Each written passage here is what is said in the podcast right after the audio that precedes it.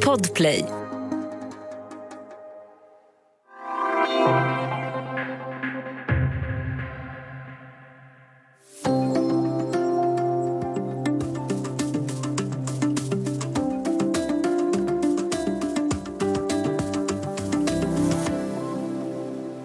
Knäcka gängen och vända på stenar.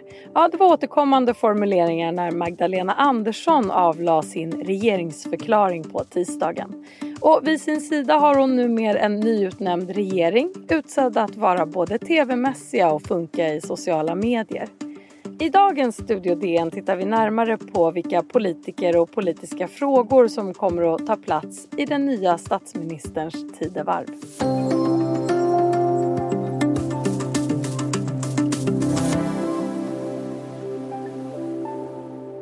Och nu har jag med mig Eva Stenberg, politisk kommentator på Dagens Nyheter. Hej!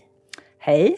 Ja, jag nämnde ju det här med tv-mässighet i starten. Det var du som skrev det i Dagens Nyheter. Vi kommer prata mer om det där för jag vill veta hur du resonerar kring just den reflektionen. Men när vi spelar in det här avsnittet så är det tisdag kväll och jag undrar först och främst hur har din dag varit? Vad har du gjort? Jo, men det har varit lite högtidligt och spännande här i riksdagen där jag sitter nu. För nu för tiden vet man ju inte riktigt hur det ska gå. Det har ju inte riktigt gått som det brukar sista tiden kan man säga. Ändå så tydde ju allt på att den här dagen faktiskt skulle gå Magdalena Anderssons väg, men det blev inte riktigt så. För efter att hon stod nere i kammaren i sin talarstol då, som jag nu sitter med utsikt över, så när hon var klar med regeringsförklaringen, då gick hon till östra delen av riksdagshuset, för där skulle hon presentera sina ministrar. Jag stötte på henne när jag var på väg dit och hon kom väldigt tidigt för det visade sig att ah, de här ministrarna som ingen fick se, för de skulle ju överraska oss, de var samlade i det som heter andra kammarsalen och där stod vakter och såg till att sådana som jag inte kunde komma igenom och tjuvkika på vilka de var. Och sen var tanken på att de skulle gå ut då lite högtidligt och så skulle hon presentera sitt lag. Men innan hon hann komma ut så kom den här nyheten om att en chefsåklagare inlett en förundersökning mot infrastrukturministern Thomas Eneroth om sexuella trakasserier. Så att man kan väl säga att det gick inte som planerat den här dagen heller, även om ju regeringen blev installerad av kungen och nu är en riktig regering och regeringsförklaringen och laget och allting är på plats. Det, det var ju inte, hon snubblade ju inte alls så som hon gjorde förra veckan, utan det mesta gick ändå enligt planerna. Men det började ändå med en liten krishantering där. Ja. Eh, du, det här med debatten då. Vi ska prata mer om de nyutnämnda ministrarna, men vad var det som som var så tv-mässigt med dem. Hur tänkte du med, kring den formuleringen? Jo, jag tänkte att när jag lyssnar på regeringsförklaringen, som ju är hennes politik för de här knappt tio månaderna som är kvar då till en ny regering ska komma efter nästa val, så är det ganska få politiska projekt som inte redan är påbörjade det väldigt, var väldigt lite nyheter i regeringsförklaringen och det är väldigt osäkert om den här regeringen kan få så mycket politik genom riksdagen egentligen. Det finns ett par områden, de kan vi prata om sen, där de kan få saker genom riksdagen, men mestadels så får de inte så mycket genom riksdagen, utan det den här regeringen framför allt kan göra är ju att försöka vinna nästa val, att nå ut direkt till väljarna och det var där den här tv-mässigheten, förmågan att debattera, att vara på sociala medier, att synas, att gå hem hos väljarna tyckte jag var en, en röd tråd hos ganska mycket. För de ministrar hon tillsatte som ska bära hennes tre huvudfrågor som hon har utsett var ministrar som är bra på att tala med väljare som är kända eller som har varit populära eller varit med i tv sedan tidigare och kan genren och sådär. Så det, det, det, var, det var därför jag sa det här om tv-mässighet. Det var ju också så att ett par av de nya ministrarna har ju meriter just från eh, dokusåpor eh, där de har varit med då, fast i en seriös roll då. Eh, så att de är lite kända redan och kan då sälla sig till exempel till utbildningsminister Anna Ekström som ju har varit framgångsrik i Sveriges Televisions På spåret. Så att det är ju inte det är ju inte en nyhet att det finns ministrar som har gjort sig kända i tv så att säga. Vi återkommer till detaljerna kring det. Om vi bara backar tillbaks till början av tisdagen, klockan 9.30 så avgav ju då Magdalena Andersson sin regeringsförklaring och hon fokuserade som väntat på tre huvudpunkter. Den första att stoppa gängkriminaliteten, den andra en så kallad grön industriell revolution och tre, som hon formulerade det, att återta kontrollen över välfärden. Eva, när du lyssnade på den här regeringsförklaringen, du har ju redan nämnt att det var kanske inte så många överraskningar, men vad hörde dina analytiker öron Jo, jag tänker förutom att hålla fram de här tre frågorna som du nämner som blir väldigt viktiga valfrågor då, fokuset på valrörelsen, att nå direkt ut till väljarna, så tror jag det finns två områden där regeringen ändå skulle kunna få ny politik genom riksdagen, som hon också gick in på i regeringsförklaringen. Och det ena är ju kriminalpolitiken när det gäller att skärpa straffen. Tidigare har ju Miljöpartiet ofta hållit emot integritetsfrågor när det gäller frågan om övervakning och hårdare tag och sådär. Och där finns det nog en möjlighet för regeringen att gå fram hårdare eftersom det finns en majoritet i riksdagen för hårdare tag i brottsbekämpningen av olika slag. Så det, och det området utvecklade hon också ganska mycket i regeringsförklaringen och kom med några konkreta förslag. Sen finns det också en annan sak som är tydlig i regeringsförklaringen och det är krishanteringen. Dels pratar hon om pandemin. Hon eh, berättade att det kommer att krävas, eh, de vill lägga ett förslag om vaccinbevis för att träna på gym och äta ute.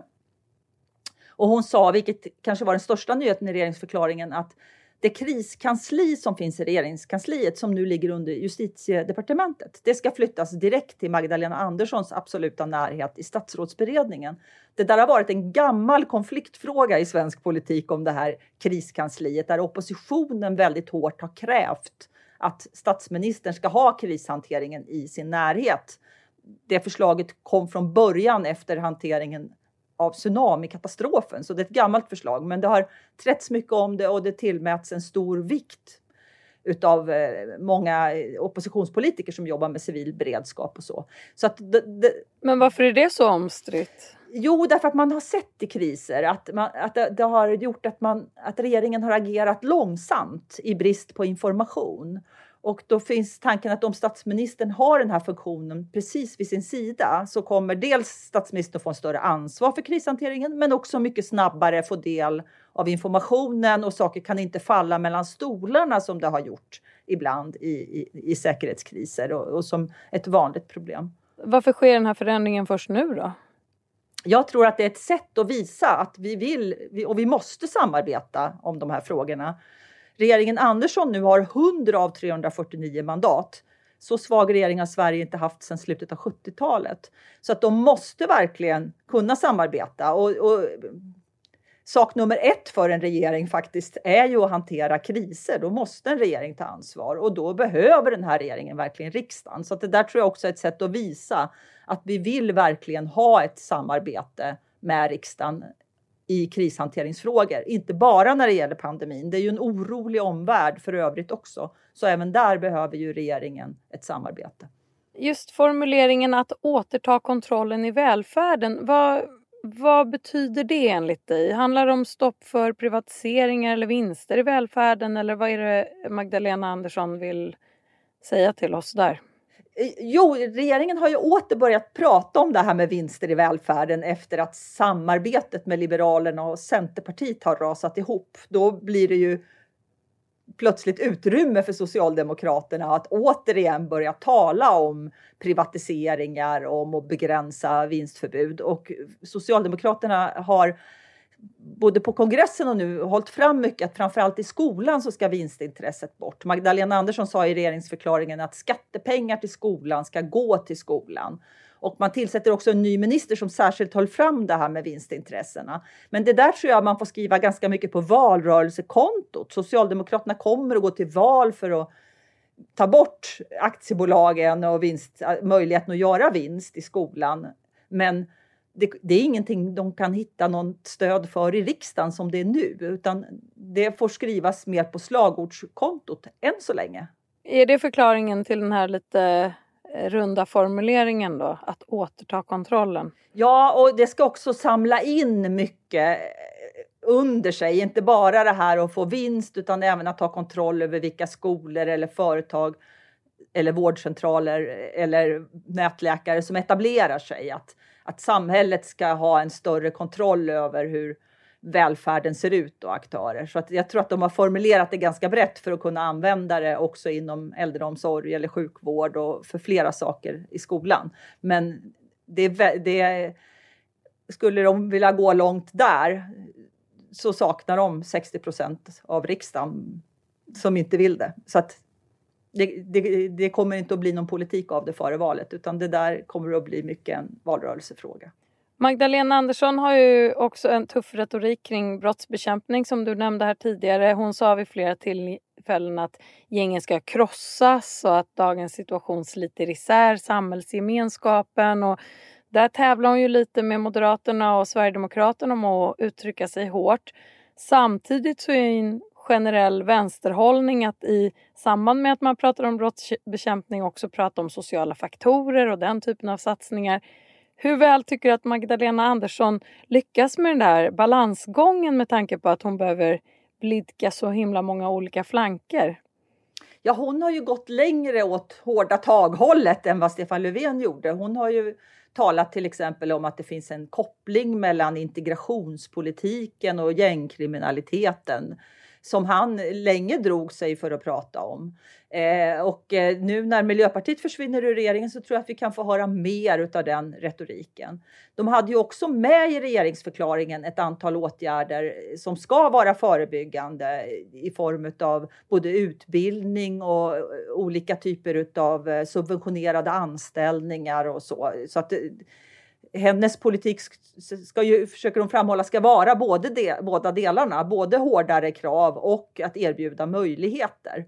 Men möjligheterna har man ju pratat om ganska länge och kraven har ju hon velat skärpa. På Socialdemokraternas kongress så sa hon ju till exempel att om man får försörjningsstöd eller socialbidrag som det hette förut så, så ska man behöva arbeta. Eh, att, och hon talade om Eh, att den här friheten att välja sin väg här i landet, den gäller om man jobbar och försörjer sig, ungefär så i, i regeringsförklaringen. Så att hon har skärpt kravdelen jämfört med hur det har låtit tidigare i Stefan Löfvens regering.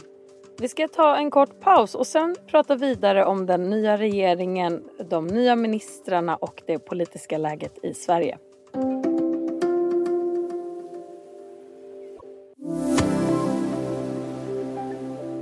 Du lyssnar på Studio DN idag om den nya regeringen och vad som kommer hända inom svensk politik den närmsta tiden.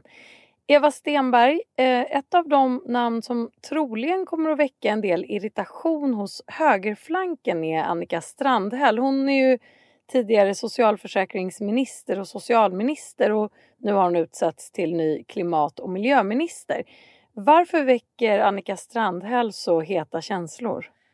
Det har en hel del med sociala medier att göra. Eh, hon är ju flitig i sociala medier och hon är, kan vara spetsig och hon kan vara tydlig och hon kan vara polemisk. Hon är ett strid, en stridbar och politiker som är färgstark. Eh, så att det är därför hon väcker känslor. Men jag måste säga att jag blev lite förvånad. Jag hade verkligen väntat att hon skulle komma tillbaka i regeringen men det var inte på miljöministerposten jag trodde att vi skulle hitta henne som hon ju är på nu. Så hon kommer ju få en väldigt central roll i valrörelsen eftersom klimat och gröna jobb är en av de här tre huvudfrågorna som du berättade om här i inledningen, Ylke. Så att eh, hon kommer få en väldigt central roll i valrörelsen och är en av de här väldigt mediala färgstarka ministrarna eh, som ju fungerar bra i en valrörelse eh, därför att hon väcker känslor och det ska ju politiker göra om de ska nå ut. Morgan Johansson blir både justitie och inrikesminister och på hans departement så ingår också frågor som rör integration och segregation. Hur ser du på det väldigt omfattande uppdraget? Ja, ju, han kommer ju få Anders Ygeman vid sin sida där som kommer att ha migration och integration. Och det är också en sån här politiker som väcker känslor. Han var väldigt populär när han var inrikesminister tidigare. Då talade man om Ygemania. Men sen trampade han snett i Transportstyrelseskandalen. Han fick avgå och blev gruppledare i riksdagen. Sen har han varit energiminister, inte synts lika mycket, men nu kommer han tillbaka här. Och det är också, han kommer ju också vara väldigt framträdande, för det här är också en huvudfråga. Och Morgan Johansson får ju ett väldigt starkt grepp med både justitieminister och inrikesminister.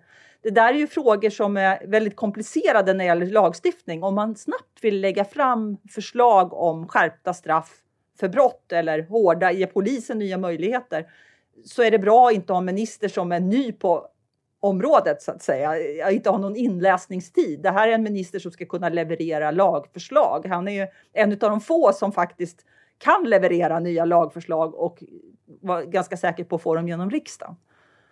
I, i, när det gäller just brottslighet och kriminalitet. Så, så, att det tror jag också är ett skäl till att han får den här väldigt breda portföljen då med både inrikesminister, polis och ja, han får liksom hela rättsväsendet från lagstiftningen till domstolar och åklagare och poliser. Eh, hela, hela brottsbekämpningen från bokstav till batong så att säga. Och Thomas Eneroth blir ju kvar som infrastrukturminister och vi pratade ju här tidigare om att eh, nästan samtidigt som regeringen presenterade så kom uppgiften att åklagare inleder en förundersökning om sexuellt ofredande som han anklagas ha utfört mot en partikamrat. Hur kommer Magdalena Anderssons läge och nya utnämningar att påverkas av det här?